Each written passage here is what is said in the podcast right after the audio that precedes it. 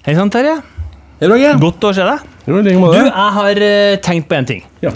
Eh, I disse dager så er det jo veldig mange elektrikerlærlinger som skrur sine aller første stikk, sånn rent profesjonelt, da, i verdens viktigste bransje. Burde ikke vi ha laga en episode på det? Jo, det syns jeg er virkelig på sin plass. Ja. Da gjør vi det, da. Ok. Ok.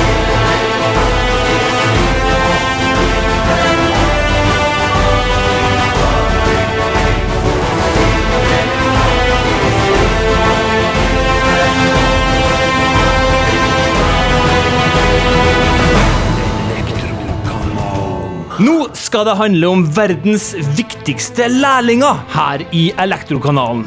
Rekordmange elektrikerlæringer er nemlig i disse dager for første gang introdusert for nye kollegaer, nye forventninger og nye oppgaver som vil prege de neste årene av deres liv.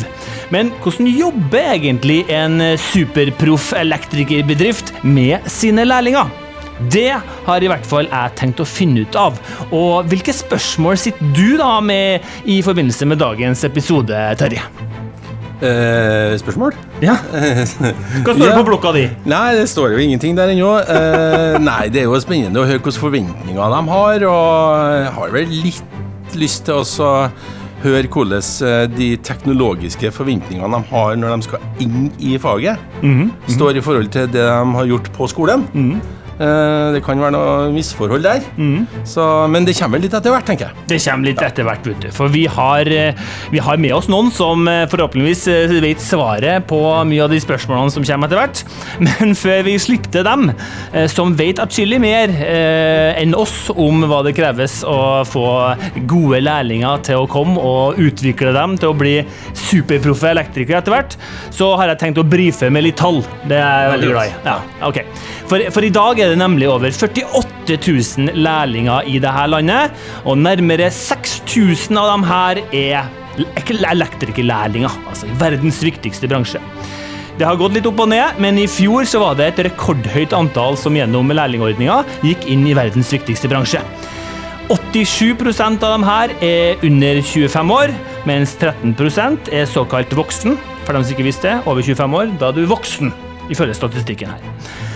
Eh, 93 er jenter. Nei, jeg tulla bare. Det er gutter. Dessverre. Dessverre. Jeg har ikke kommet så langt, faktisk, fordi det er bare 7% som er jenter. Men det er også 3% mer av totalen enn det var for ti år siden, så det går jo litt i riktig vei, selv om det går altfor sakte. I dag får nesten ni av ti søkere innvilga læreplass.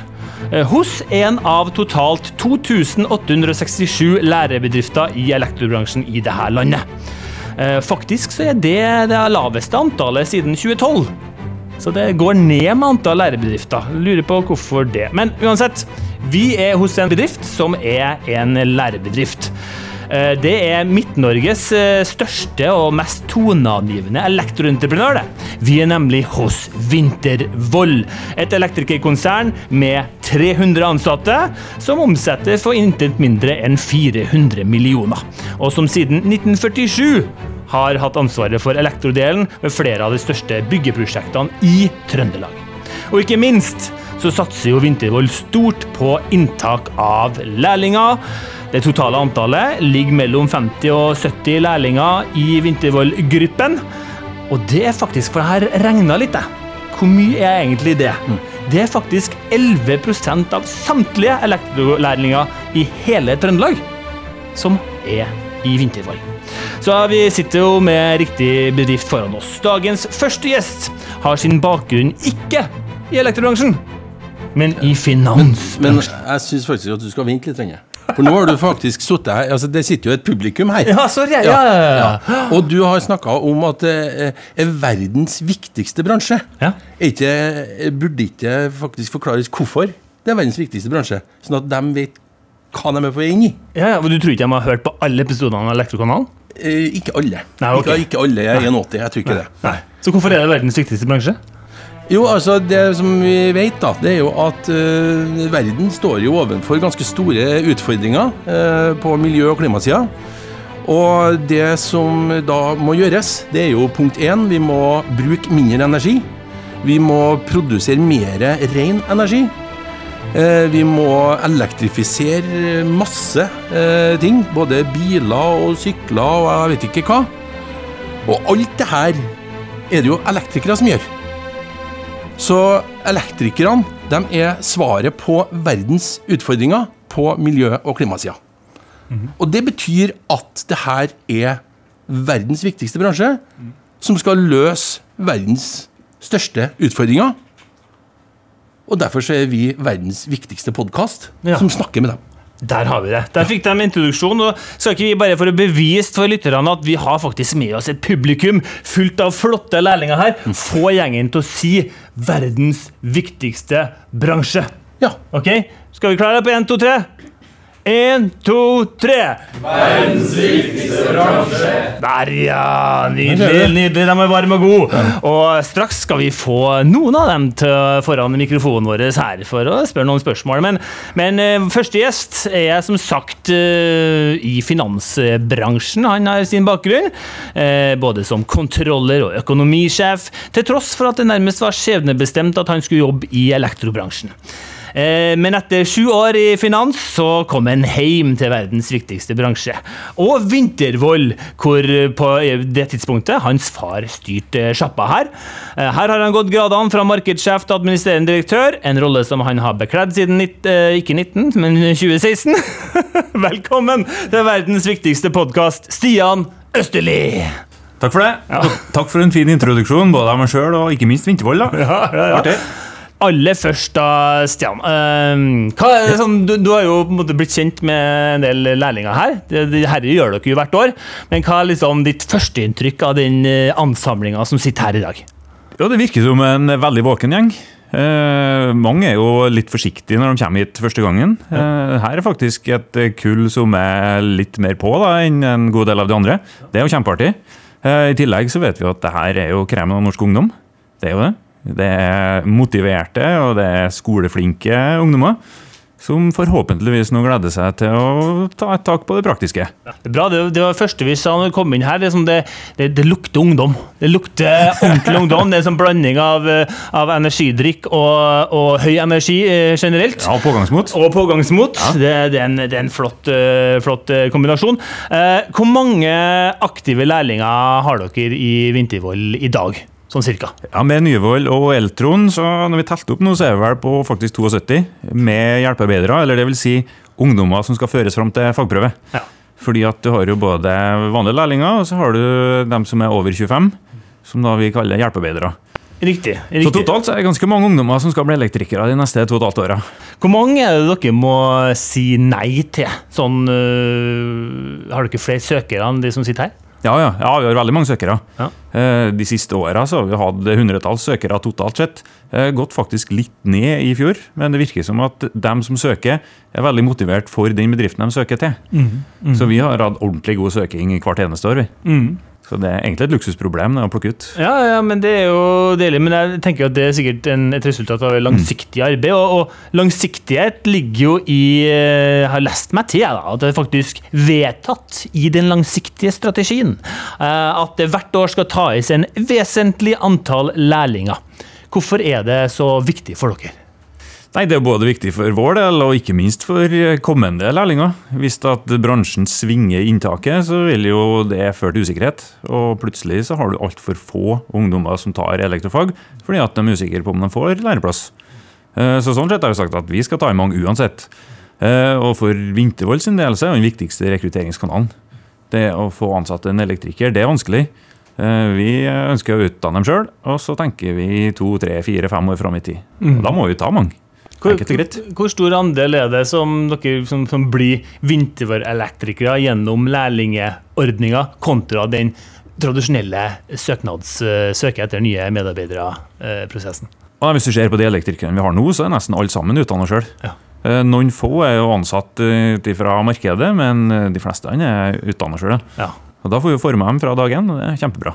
Forme dem fra dag én, Terje. Kanskje vi skulle begynt med lærlinger i Elektrokanalen nå? Eh, ja, det, men vi har jo ikke budsjett til det. Det går jo ikke. Så vi får vente litt. Vi får vente Det er litt. flere fans. Ja, ja, ja. Får lærlingtilskudd, vet du. Oh, oh ja, der. Må man ha ansatte for å få lærlinger? Ja, Det er må, noe med det. Du må helst ha det. Ja, og det har vi ikke. Nei. Nei. Det er sant. Um, vi skal få på, på plass enda en gjest, vi som sitter rundt bordet her. fordi at eh, Stian han sitter jo og har liksom Han, han sitter jo i toppen og har eh, liksom strategisk ansvaret her for eh, hvorfor eh, mye lærlinger eh, er en del av det å få gode elektrikere til bords. Eh, Men så er det noen som sitter og faktisk eh, sørger for at eh, de blir så gode som de kan bli, og både ta imot dem og utvikle dem, og forhåpentligvis dytte dem inn i eh, eh, de voksnes rekker i Vinterfold-konsernet. Eh, Og en av dem, det er du, Maja Guin. Du er HR, HMS og kvalitetsansvarlig i Vinterfold. og ansvarlig for lærlingene. Velkommen til verdens viktigste podkast, du òg. Tusen takk. Hva kan du fortelle sånn eh, kjapt, hva, hva går din rolle i forhold til det med lærlingbiten ut på? Nei, jeg, jeg er jo heller ikke fagperson, så jeg, jeg har jo lite å komme med sånn rent fagmessig. Men jeg passer på dem og har med dem å gjøre helt fra de sender sin eh, første søknad om å få lov til å komme ut hit på praksisplass, til søknaden om lærlingeplass kommer, opp, eh, intervjuene, vurderingene rundt det, og så er det jo å planlegge denne oppstartssamlingen her, og så er det hele veien igjennom.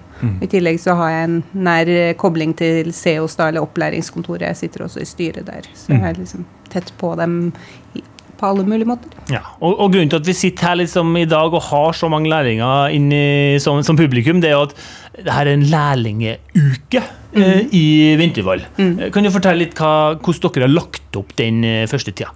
Nei, Som du ser, da, så er det jo ganske mange. Så hvis vi skulle tatt individuelle løp her med alle disse forskjellige kursene og all informasjonen de skal ha da, for å kunne komme ut og i gang, så hadde jo ting tatt tid. Så vi er nødt til å samle dem rett og slett rundt eh, bordene her og ta, ta det samlet. Eh, Det gir dem også en mulighet til å bli kjent med hverandre, for på mandag så vil det jo bli spredt litt for alle vinner. Eh, Men vi ønsker jo at de skal på en måte føle en tilhørighet i det kullet her også. De skal jo samles eh, litt igjen til neste år når de skal gå skoleløp og sånn, så vi ser en verdi i at de får møte hverandre og bli litt kjent. Så det er både faglig og litt sånn administrative ting, men også sosiale happenings denne uka her, da.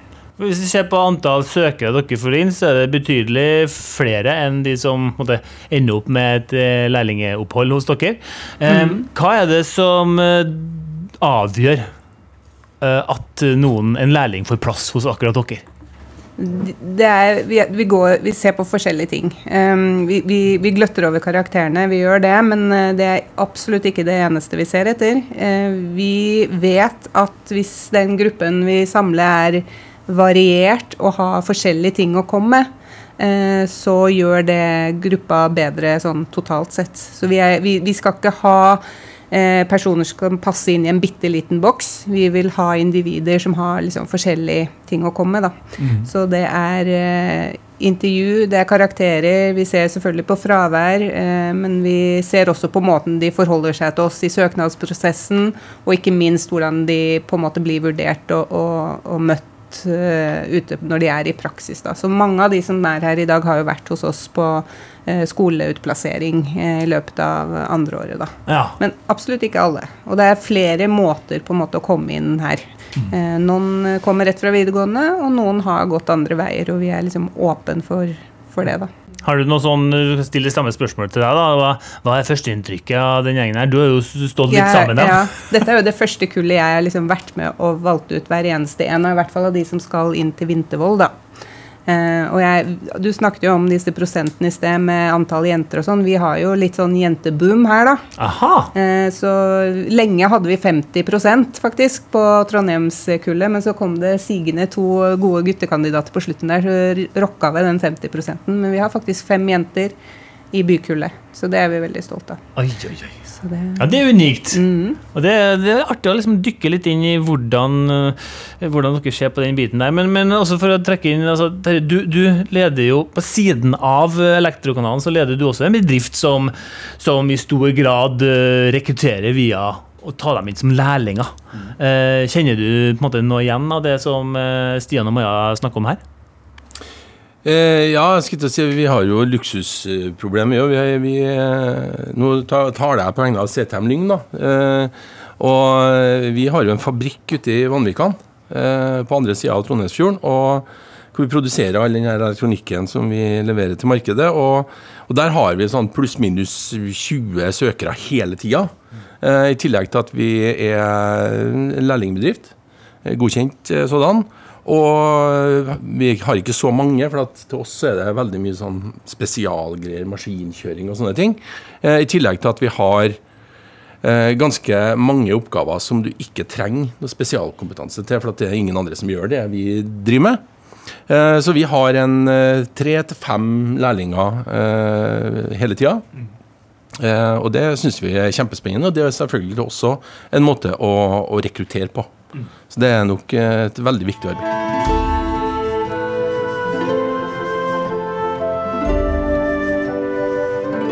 Nå skal vi over på, på måte, det her med trivsel og motivasjon i blant lærlinger. Fordi hvert år så eh, blir det gjennomført en lærlingeundersøkelse. Eh, og det er jo superbra. Og, og, resultatet for 2022, eh, da, i fjor, det viser jo at de aller fleste lærlingene trives på arbeidsplassene sine og er motivert for å lære. Eh, her kommer det litt tall igjen, da. Det er ni av ti elektrikerlærlinger som sier at de er motivert for å lære noen ting. Så, så, men det er samtidig én av ti de er ikke spesielt motivert for det. de er bare. Likevel så er det også under 35% som sier at de i svært stor grad liker oppgavene sine i lærlingbedriftene. 23 eh, er ikke helt sikre på om de har valgt riktig fag når de går inn i lærlingetida. Eh, tre av ti føler at de har kommet til en bedrift som ikke ikke godt nok legger en plan over det som skal læres. Og så er det, det liksom de sørgelige statistikken da, som sier at tre av ti melder at de blir mobba på arbeidsplassen. Og det er et tall det som faktisk stiger i elektrobransjen, uh, mens det synker på en del andre innenfor bygg og anlegg. Uh, og Stian, hvordan tror du, Jeg skjønner at det ikke er gjort en sånn undersøkelse for det her kullet, selvfølgelig, men, men hvordan tror du de her tallene er i Vintervoll? Jeg håper at det ikke stemmer for vår del. Eh, vi kjører jo en egen undersøkelse vi har to ganger i året på alle lærlinger. Det har vi gjort i ja, hvert fall i ti siste åra. Så vi har statistikk på det med trivsel og hvordan du ja, både trives sosialt, hvordan du har med utstyr, interessante arbeidsoppgaver osv. Eh, ikke hatt så mye fokus på det med mobbing, men klart, eh, hvis det er tre av ti i hele bransjen, så er jo det, et, det er jo et problem for bransjen. For det var ganske høye tall, og det var overraskende. Mm. Uh, men det er jo litt derfor det er viktig å samle alle på den måten vi gjør òg. Det er jo fordi at uh, mange her skal jo ut på geografiske lokasjoner der det ikke er så mange lærlinger. I Trondheim så vil jo alle lærlinger møte mange andre lærlinger. Men uh, forhåpentligvis er det her en måte å knytte dem sammen. Mm. De skal treffes igjen på nye lærlingesamlinger og forhåpentligvis på julebord nå til høsten og nye lærlingesamlinger til neste år. Og Da er det viktig at de er kjent med hverandre, og at eh, de måtte ha en sånn solid og trygg uh, vennegjeng. egentlig. Uh, I tillegg så har jo vi sånn fadderordning for å gjøre det enda litt tryggere da, å komme ut i arbeidslivet. For mange her er jo bare 17 år. 17, 17, eller 18 år. Og det er jo ganske ungt i arbeidslivet. Så det er jo en helt ny arena for dem. Og det er om å gjøre å gjøre det så trygt som mulig. Mm. Når jeg snakker om det med for jeg tenker altså, Det finnes jo sikkert en del eh, Det er ikke sånn at 100 av dem som er lærlinger, eh, fortsetter som elektrikere. Det er jo noe frafall her. Har dere gjort dere noen erfaringer på hva er det som bidrar på en måte, positivt eller negativt i forhold til med frafall? Frafall? Ja, for å si det sånn, Korona og restriksjoner det hjalp ikke. Nei. det er jo kanskje den største endringa vi har sett de ti siste åra. Ja. At her kunne det være ungdommer som flytta fra grisgrendte strøk og inn til Trondheim og hadde ønske om å få seg venner og en ny omgangskrets. Og pga. restriksjoner ble sittende på en hybel og ikke fikk lov til å treffe folk. Det er nok det verste. Men klart, Nå er jo den eh, forhåpentligvis eh, for, eh, ferdig, ferdig med den, sånn at vi har en normal hverdag igjen. Men uh, vi må jo ta med oss lærdommen fra det. Og uh, ta egentlig de problemene på alvor. Mm. Men det er jo det å få dem inn og så få dem til å være en del av uh, helheten i Vintervoll. Mm. Det sosiale er, mm. er viktig. Maja, da. for å snakke litt om det her overgangen. da. Altså, utdanningsløpet eh, før de blir til lærlinger. Det er jo en viktig, viktig plattform for, for, dere også. Eh, og det En av de tingene er jo at det er stor forskjell å være en del av en klasse hvor man møter mange hver dag, og så plutselig så skal man ut i yrket og eh, kanskje bare i to, tre eller noen ganger kanskje alene òg. Det sosiale er en stor forskjell. Er det andre ting som gjør at det er et stort hopp å gå fra å være i utdanning til å være lærling? De må, de, de må, jo tidlig opp, da. Og det er jo den strukturen og den derre det, det, er ikke noe Det er jo litt mindre slingringsmonn på en del ting. Og noen syns det er litt vanskelig å møte at det er såpass rigid som det må være. da. Vi er jo, som du har sagt, 300 ansatte. Vi har store prosjekter. Vi er avhengig av hver og en hver eneste dag for å kunne planlegge både arbeidshverdagen og, og produksjonen der ute. sånn at det er ganske Det kan vel oppleves litt strengt, da. Mm. Så vi mm. prøver å balansere den derre strengheten og sånn med litt sånn moderlig omsorg og eh, Ja. Eh, det mellommenneskelige, mm. på en måte. Det det er, lov å feile, det er lov å ta feil, og det er lov å miste bussen og alt det der, men vi må liksom hele tiden prøve å stramme inn det så at hjulene går rundt, da. Mm. Når starta dere i morges, da? I morges Jeg må bare fortelle, innrømme at jeg kom for sent i går, da. Så det har liksom hengt ved meg nå i, i to dager. Kom jo sluntrende inn her sånn tre minutter for sent. Nei, i morges var det senstart, faktisk. Det var sovemorgen i dag. Vi har starta halv ni. Vi, vi, måtte la de her guttene fra Tynset og Oppdal få lov til å stå på anstendig tid, da. Men ellers er det jo sju, da, som er hver dag. det er bra.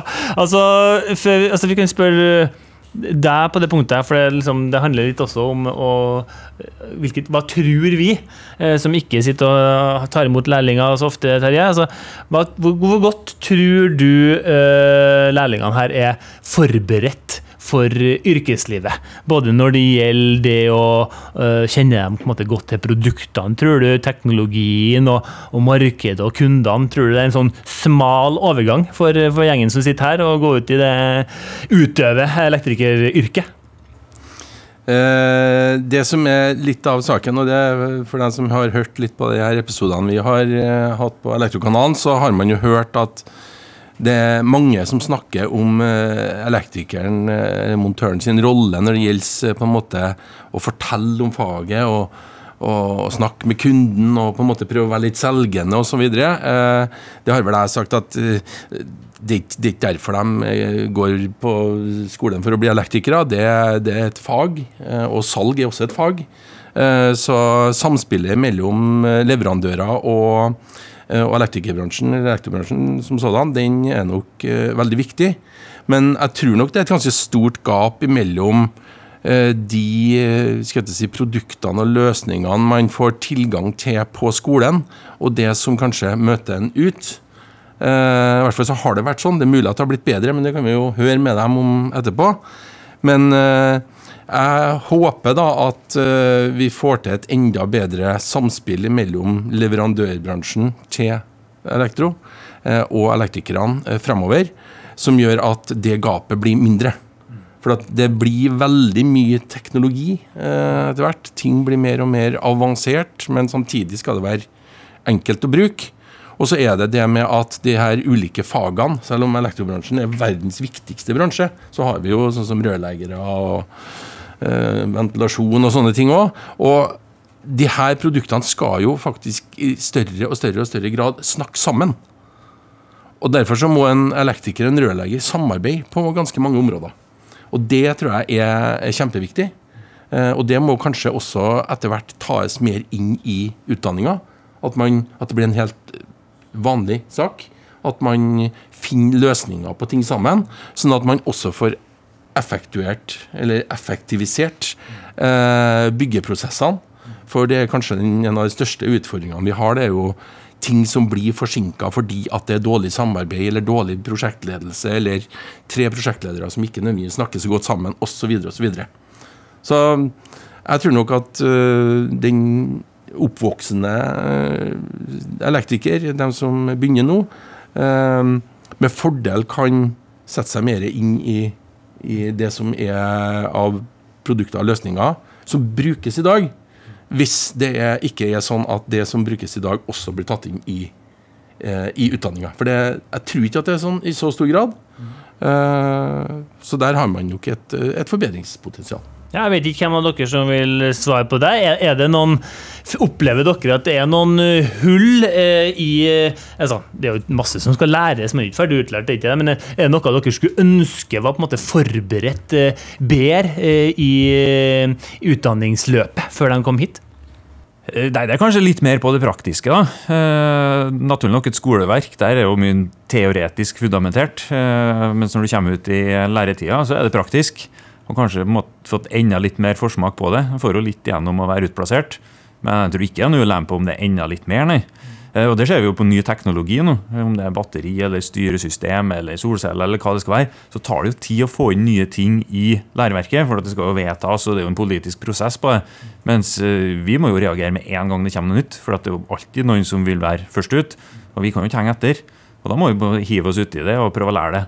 Og da blir det nok vi, eller det er vi som får den opplæringsfunksjonen, og kanskje ikke skolen. Men det er nok en krevende jobb for skoleverket da, hele tida skal henge på når du må oppdatere pensumer, læreplaner, øh, lærebøker osv. Så, videre. så vi må nok bare innse at øh, en lærebedrift har en øh, stor rolle i selve opplæringa. Ja. Det er Mm. ikke bare det altså drille en som elektriker. Nei. Det er mye teoretisk opplæring òg, ja. Ja.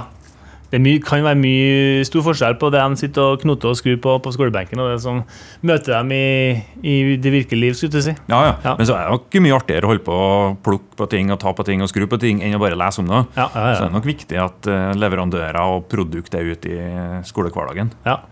Før vi får opp uh, to representanter fra, fra lærlingestanden her nå, så skal vi et uh, avsluttende spørsmål til, til Maja. Så vi er litt opptatt av det her med kvinneandelen, Uh, jenteandelen. Den er fortsatt altfor lav i bransjen vår, så vel som i andre håndverkerbransjer. Og det gjelder jo også i lærlingandelen i, i elektrikeryrket. Det er fortsatt kun 7 blant elektrikerlærlingene til, her til lands. Og så ser vi at eh, Vintervoll eh, står det litt annerledes til, heldigvis. Um, kan du si litt om altså, Hva er det som er viktig, tenker du, med, med det å få flere jenter til å søke seg inn i det yrket her, og ikke minst det å, hvordan jobber dere i Vintervoll med å, med å holde på dem, slik at eh, eh, forhåpentligvis 100% av de jentene som er her i dag, eh, går inn i yrket? Eh, Nei, altså Alt det her praktiske må på en måte være på plass. Alt det man hørte om for noen år siden, at det ikke var jentegarderober og at det ikke var fasiliteter. Det, det, liksom, det holder jo ikke. Så det, det, er vi jo i grunnen i mål med. Og så er det jo å skape et, et miljø og et, eh, et, en sosial setting som gjør at det er, det er normalen. Så at ikke det er så stort tema. da. Altså, at det, det er helt normalt å, å være jente eh, i elektrikerbransjen. Vi deltar jo på alt vi kan, da. Eh, møter jentene Sender ut våre montø jentemontører til eh, skolene. Vi er med på Jenter og teknologi. Skal ta imot 15 eh, ungdomsskolejenter her eh, ute på høsten og vise dem hvordan vi har det osv. Så, videre. så vi, vi gjør det vi kan, og vi vurderer de søkerne, jentesøkerne vi har, helt seriøst og ordentlig. Ja, så bra. Da skal vi få eh, to lærlinger her. Skal ikke du introdusere dem først, eh, Maja, sånn at vi får det på det rene? Ja, Ja. det er Solveig som sitter der nede. Du kan komme opp. Og så Nola. Solveig og Ola. Kan ikke dere komme opp til en applaus, da? Vi gir dem en applaus.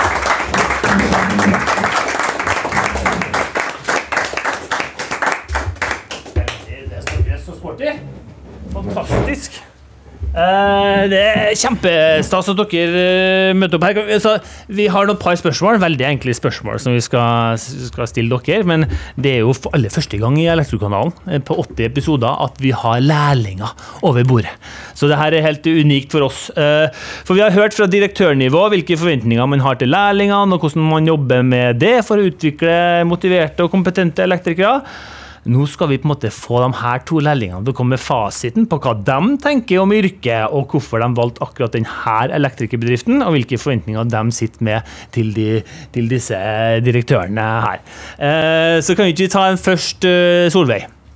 Kan ikke du gi oss en sånn liten forklaring? Hvorfor valgte du akkurat elektrikeryrket? Eh, jeg syns det er spennende å holde på med praktiske ting.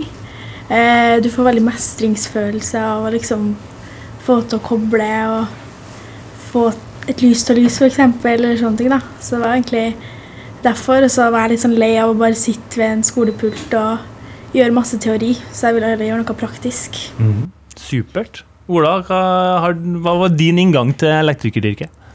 Uh, jeg har en far som driver rørleggerfirma, Jeg og broren min er rørlegger, så jeg tenkte at jeg ville prøve noe nytt. Ingen andre i familien min er det. Og så har jeg vært med litt og prøvd rørlegger, og det var ikke noe for meg. Eh, og så visste jeg at jeg ville velge yrkesfag, fordi skole er ikke helt fan av det. Så da tenkte jeg elektriker, og så søkte jeg litt rundt og hørte litt, og så var det Vintervold som var størst, fikk jeg høre da. Så, og så hørte jeg det var gode penger da, som elektriker, så da hørte jeg det. Det er bra. det. Jeg tenkte du var på vei til å si at min far og min bror var rørleggere, så jeg skulle bli bedre enn dem. Ja, Og det er jo litt sant òg, ikke det? jo, for så vidt. Flott. Um, eh, Solveig, hvor sikker er du på at du har valgt riktig Eh, yrke, da? kanskje 90. Man er jo ikke helt sikker før man på en måte har prøvd ut lærlingetida og liksom gjør det hver dag. Eh, men jeg har jo syntes hvert fall det lille praktiske vi har gjort på skolen, har vært veldig gøy. da. Også når vi har vært i sånn praksisperioder, sånn, så har jeg kost meg og trivdes veldig. da. Så jeg tror det er riktig, men det venter man jo og ser med i lærlingtida. Ikke sant? Uh, Ola var jo inne på det. Han gikk etter det største firmaet og søkte der. Hva var det som var på en måte avgjørende for ditt valg av lærlingbedrift? Uh, nei, det var litt eh, Jeg fikk jo høre at de var størst. Eh, og så hadde jeg en venninne som hadde vært i praksis her, som trivdes veldig. Så derfor tenkte jeg at jeg kunne søke. Ja. Mm, bra. Hvil- hvilke forventninger har du, sitter du nå med? For det er, det er masse forventninger opp imot deg, og så sitter du helt sikkert med noen forventninger overfor eh, Vintervoll da, eh, i, i forhold til den lærlingetida du går inn i nå. Uh, ja, nei, jeg forventer jo å bli en bedre og fullstendig elektriker etter hvert. Lære mye. Uh, ja, det er jo bare å lære mye, egentlig. En profesjonell opplæring. Og jeg har jo vært på utplassering fire uker til sammen her. Og bare første gang, de to ukene sammen jeg var på utplassering her, så lærte jeg jo mye mer enn jeg vil si jeg gjør på skolen. Så det var jo Jeg følte jeg gjorde noe riktig da, når jeg har valgt det her, da. Og følte det var bra opplæring, bra oppfølging, og jeg kunne spørre om hva som helst, og jeg fikk svar på det jeg ønska. Mhm, Bra. Solveig, har du gjort deg opp noen tanker på forventninger til, til Vintervoll? da? Ja, Jeg forventer at jeg skal lære mye. Eh, bli kjent med andre og få nye kollegaer og sånt. da. Eh, men i hvert fall det å bli liksom litt sånn, For nå er man jo litt sånn man bare kan litt elektrikergreier. Men så når man kommer inn i lærlingtida, så blir man sånn ordentlig elektriker da, etter hvert. Og så får man fagbrev. Og, Så jeg gleder meg til det, da. Hvor mye tenker du på at du går inn i et yrke hvor det er få jenter? Er det noe som du tenker mye på, eller er det sånn Nei, jeg tenker ikke så mye over det, egentlig. Jeg har jo hørt litt sånn at det noen steder da, så er det ikke så åpent Eller de har ikke garderobe for jenter, og sånt, så det er jo litt problem og sånt. Men jeg har hørt at Vintervoll har det ganske på stell. Så jeg tenker egentlig ikke så mye over det siden jeg skal til Vintervoll. mm, Så bra. Nei, det her er et pek til resten av bransjen. Sånn at du ikke får ordna opp i det med garderobene. Altså. Da må elektrobransjen skjerpe dere. Altså. Eh, Men det er bra at det er på plass her. Eh, Ola, da, hvor forberedt føler du at utdanninga og skolen har gjort deg eh, på å liksom faktisk ut og skape verdi i elektrikeryrket? Ja, altså Du lærer jo mye på skolen, selvfølgelig. Det er veldig mye teori. Som Stian sa, at det kunne kanskje vært litt mer praksis. Og så er jo det at skolen har et budsjett å gå hva de skal bruke penger på. Så det, er det var veldig mye sånn slitt utstyr og ja, dårlige, ja, dårlig utstyr som er slitt. Eh, veggene vi slo på, var fullt av høl. og det er litt dårligere, det er ikke like moderne. Så når vi kommer på utplassering her og fikk prøve nye verktøy her, så var det verktøy vi ikke har sett før. Og det var nyere modeller, så det, det er jo noe nytt, og det er noe helt annerledes. Mm, så bra. Helt på siste spørsmål, Solveig. Eh, hva er det du gleder deg mest til de neste dagene og månedene av denne lærlingetida? Uh, jeg gleder meg til å få prøvd ut nye ting og få lært masse nytt. Bli kjent med nye og ja, få en koselig hverdag. Yes. Ja, men Supert, og tusen hjertelig takk for at dere tok foran mikrofonen her. En applaus, da!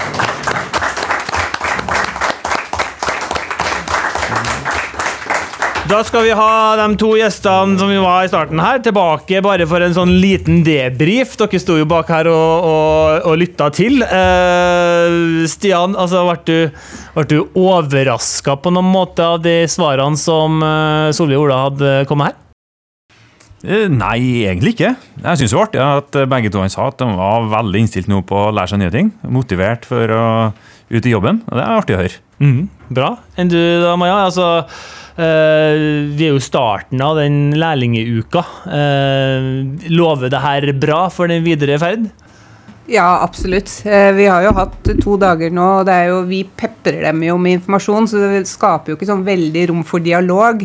Så jeg føler jo ikke at jeg, jeg har lært dem å kjenne så godt ennå, men eh, jeg har absolutt trua på det kullet her. Og vi har jo snakka sammen litt før, i vår, ikke sant, på, på, på intervjuene og sånn, så jeg tror det her blir eh, det beste kullet noensinne. bra, bra. Det er i hvert fall det aller første kullet i verdenshistorien som har på en måte fått en live, vært invitert og stå bak mikrofonene på en livepodkast. Verdens viktigste podkast sådan. Uh, Terje, også, har du noe sånn debrief helt på slutten her? Hva, hva tenk, tenker du at dette her lover godt for, eh, for verdens viktigste bransje, at vi har så, så oppegående lærlinger foran oss? Eh, ja, i aller høyeste grad. Eh, og er jo, de er jo ganske unge her, så det er, det er jo et viktig valg eh, man tar ganske tidlig i livet. Eh, så det at man er, er 90% sikker på at man har valgt riktig, det syns jeg jo er veldig bra. Eh, da har man så langt i hvert fall gjort noe, noe rett. Eh, men jeg har et, en liten kommentar, da, for at det var sagt at eh, man ikke hadde eh, jentegarderober på en del av plassene, og noen rykter om det og sånne ting. Eh, det har man jo på stell her. Men det vi også har tatt opp i en annen episode av Elektrokanalen, det er jo det her med jenteklær. Altså Klær som er tilpasset, så man er jo litt forskjellig. Og det er også kjempeviktig. Og regner med at Vintervoll har det jo på stell. Eh, for eh, det, altså, det handler jo om trivsel og komfort i hverdagen, det òg. og det å legge til rette for alle.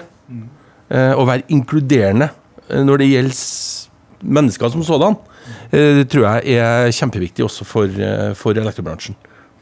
Det er jo lærlinguke. og Hva er det som skjer videre nå i det opplegget her, Maja? Eh, Nei, nå når vi er ferdige her i dag, så setter vi oss i biler og kjører opp til Hegstadmoen og skal bowle og spise litt pizza og kose oss litt. Så liksom komme ned litt etter to dager med mye info. Og så i morgen tidlig så blir det eh, UKO-skolen, som vi kaller det. Altså arbeid i høyden og stillas og varme arbeider og sånt. Og det går ut uka her, da.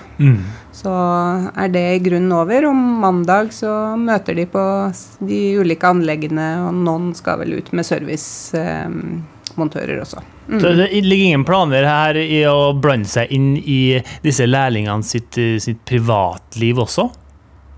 Eh, ikke sånn umiddelbart, men vi snakker jo om at vi er eh, 24-7 mennesker. Vi har en arbeidshelse som også er den, den helsen du har når du ikke er på jobb, og at vi må tenke på søvn og hvile og ernæring og kanskje ikke bare lever på nudler når man bor på hybel og sånn. Men um, det kommer nok litt på neste samling. Da kommer vi til å snakke litt mer om ivaretagelse av egen helse og den biten der. Ja, for- Så vi blander oss, vi, ja. Ja, så bra, så bra, for jeg leste nemlig dagens utgave av Adresseavisa at enkelte rørleggerlærlinger får nemlig kurs i personlig økonomi. Eh, og personlig økonomi henger jo ofte sammen med helse og velferd også. Så et litt sånn gratis tips på tampen her. Hva med å dra den enda lenger? Lynkurs i vasking eller matlaging for unge elektrikere. Mm. Ja, egen, det- egen kokkekurs, det. Jeg, jeg kan holde det. Du kan holde det, Maja! Nydelig, nydelig. Kanskje vi skal gjøre det på Elektrokanalen? Ha en Ja. sånn uh, kjøkken, uh, radiokjøkkenvariant med, med Maja der. uh, tusen hjertelig takk. Altså, eh, helt siste spørsmål, eh, Stian. Altså, det er vel eh, ingenting som tilsier at eh, det å satse på lærlinger uh, framover blir mindre viktig eh, for Vintervoll? Å nei, er du gal. Det er motsatt. Det blir bare mer og mer viktig. det. Er det ingen tvil om, både for Vintervoll og for hele bransjen. Så det er bare å fortsette med. Hva, hva, har du noe sånn eh, si til andre elektri- elektrikerbedrifter da, som ikke på en måte nødvendigvis har blitt en lærlingbedrift, eller um, satser ordentlig på det her? Har du noe appell til dem? Ja, Hvis den ikke er lærlingbedrift, så da må den hive seg rundt og bli det. Fordi at eh, nå har nå til og med regjeringa kommet med nye krav. Skal du levere til offentlige anskaffelser, så må du ha lærlinger. Så den er ganske enkel. Og dem som allerede er det, det er å ta inn flere. Det er å prøve å være litt langsiktig. Ja. At ok, Kanskje 2024 blir tøft, men det kommer 25, og 26, 27 og 28. Og Norge trenger fagfolk, det er ikke noen tvil om. Ja. Så det er med å kjøre på. Å lage et ordentlig opplegg, da, folkens. Det er jo altfor mange lærlinger som ikke får et ordentlig opplegg å gå til, og da mister vi, mister vi talenter i verdens viktigste bransje. Tusen hjertelig takk, eh, Maja, Stian og ikke minst Solveig og Ola, som var lærlinger her. Og takk for eh, din eh, bidrag som vanlig, min makker Terje Lillemo. Jo, det var bare hyggelig. det. Var det, ja? ja? Så hyggelig. Og takk til vårt uh, publikum. Skal vi prøve oss en liten sånn uh, Elektrokanalen på 1, 2, 3? Altså dere roper Elektrokanalen. 1, 2, 3. Der, ja. Tusen takk, eh, publikum. Mitt navn er Brage Stemme Johnsen, og du hører på Elektrokanalen der du hører på podkast eller snakker med oss i sosiale medier. Vi høres. Elektrokanalen.